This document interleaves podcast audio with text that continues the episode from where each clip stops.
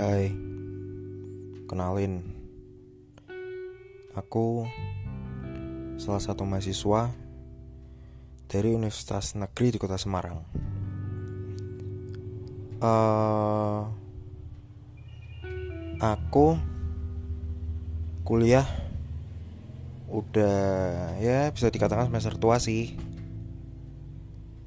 Sekarang sibuk kuliah usaha kecil-kecilan sama organisasi. Ya gitu deh. Oh iya uh, aku kuliah di jurusan arsip D3 kearsipan. Kalau banyak sih orang-orang yang tanya uh, jurusan arsip tuh kayak gimana sih? Jadi jurusan arsip itu uh, membentuk orang-orang atau sarjana-sarjana diploma-diploma yang memang handal handal dalam mengurusi yang namanya berkas-berkas atau dokumen yang dianggap instansi itu dokumen itu sangat penting. Semua kegiatan administrasi pasti akan menghasilkan sebuah dokumen. Nah, itu namanya arsip.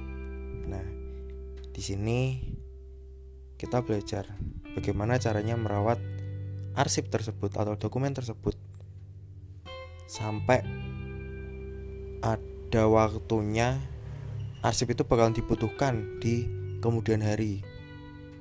Nah, dokumen arti atau arsip itu uh, bakalan menjadi bahan atau alat pertanggungjawaban uh, untuk kegiatan administrasi selanjutnya atau kegiatan administrasi lainnya yang saling apa ya yang saling berkaitan lah seperti itu. Kalau di nalar setiap instansi setiap perusahaan tiap kantor tiap dinas tiap kementerian pasti menghasilkan yang namanya arsip atau dokumen gitu. Nah di situlah aku sama semua teman-teman di jurusanku belajar bagaimana cara untuk merawat dokumen-dokumen yang sangat berharga itu. Arsip memang nggak bisa bicara, tapi dia bisa membuktikan. Gitu, keren gak? Aku lahir di Tabanan Bali pada tahun 1998 kemudian aku pindah ke Semarang. Kemudian waktu SMP sampai SMA aku pindah ke Kendal. Iya Kendal. Gitu. Kemudian singkat cerita aku keterima di salah satu universitas negeri di kota Semarang. Ya, cita-cita kedua orang tua dan cita-cita diriku sendiri sih. Kalau dibilang ada paksaan dari orang tua, itu pasti. Siapa sih orang tua yang gak maksa anaknya buat kuliah di universitas yang bisa dikatakan nomor satu di kota Semarang gitu ya cukup bangga sih. Bangga banget malahan. Tapi nggak tahu. Bangga ini bakalan hilang atau enggak setelah lulus nanti. Gitu. Uh, ini awal pertama aku sih bikin yang namanya podcast. Karena sebelumnya aku sering dengerin orang berbicara orang bikin podcast. Aku suka dengerin orang bicara. Aku suka dengerin orang bercerita. Itu bisa jadi kayak menambah pengalaman. Oh ternyata orang lain pernah ngalami seperti ini. Apakah aku juga bakal mengalaminya?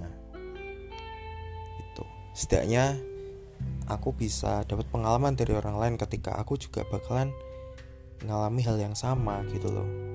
Ya walaupun gak 100% sama setidaknya oh aku pernah mendengarkan cerita seperti ini. Berarti aku bisa dong menerapkan beberapa persen dari apa yang orang lain ceritakan di podcast atau apa yang mereka ceritakan ke aku misal gitu. Ya iseng-iseng aja sih ini. Kayak ngisi waktu kosong. Mengisi jam-jam kuliah yang kosong. Gitu. Uh, mungkin ke depannya bakalan ada beberapa topik atau bahasan yang bakalan aku bahas ke depannya supaya uh, apa yang aku omongin, apa yang aku bicarakan, apa yang aku sampaikan lebih terarah, lebih terfokus sama satu hal gitu. Ya walaupun nanti ujungnya sih uh, bakalan bercabang-cabang, ceritanya bakalan agak tidak berfokus ke satu titik Aku orangnya nggak pintar cerita sih. Soalnya basicnya suka mendengarkan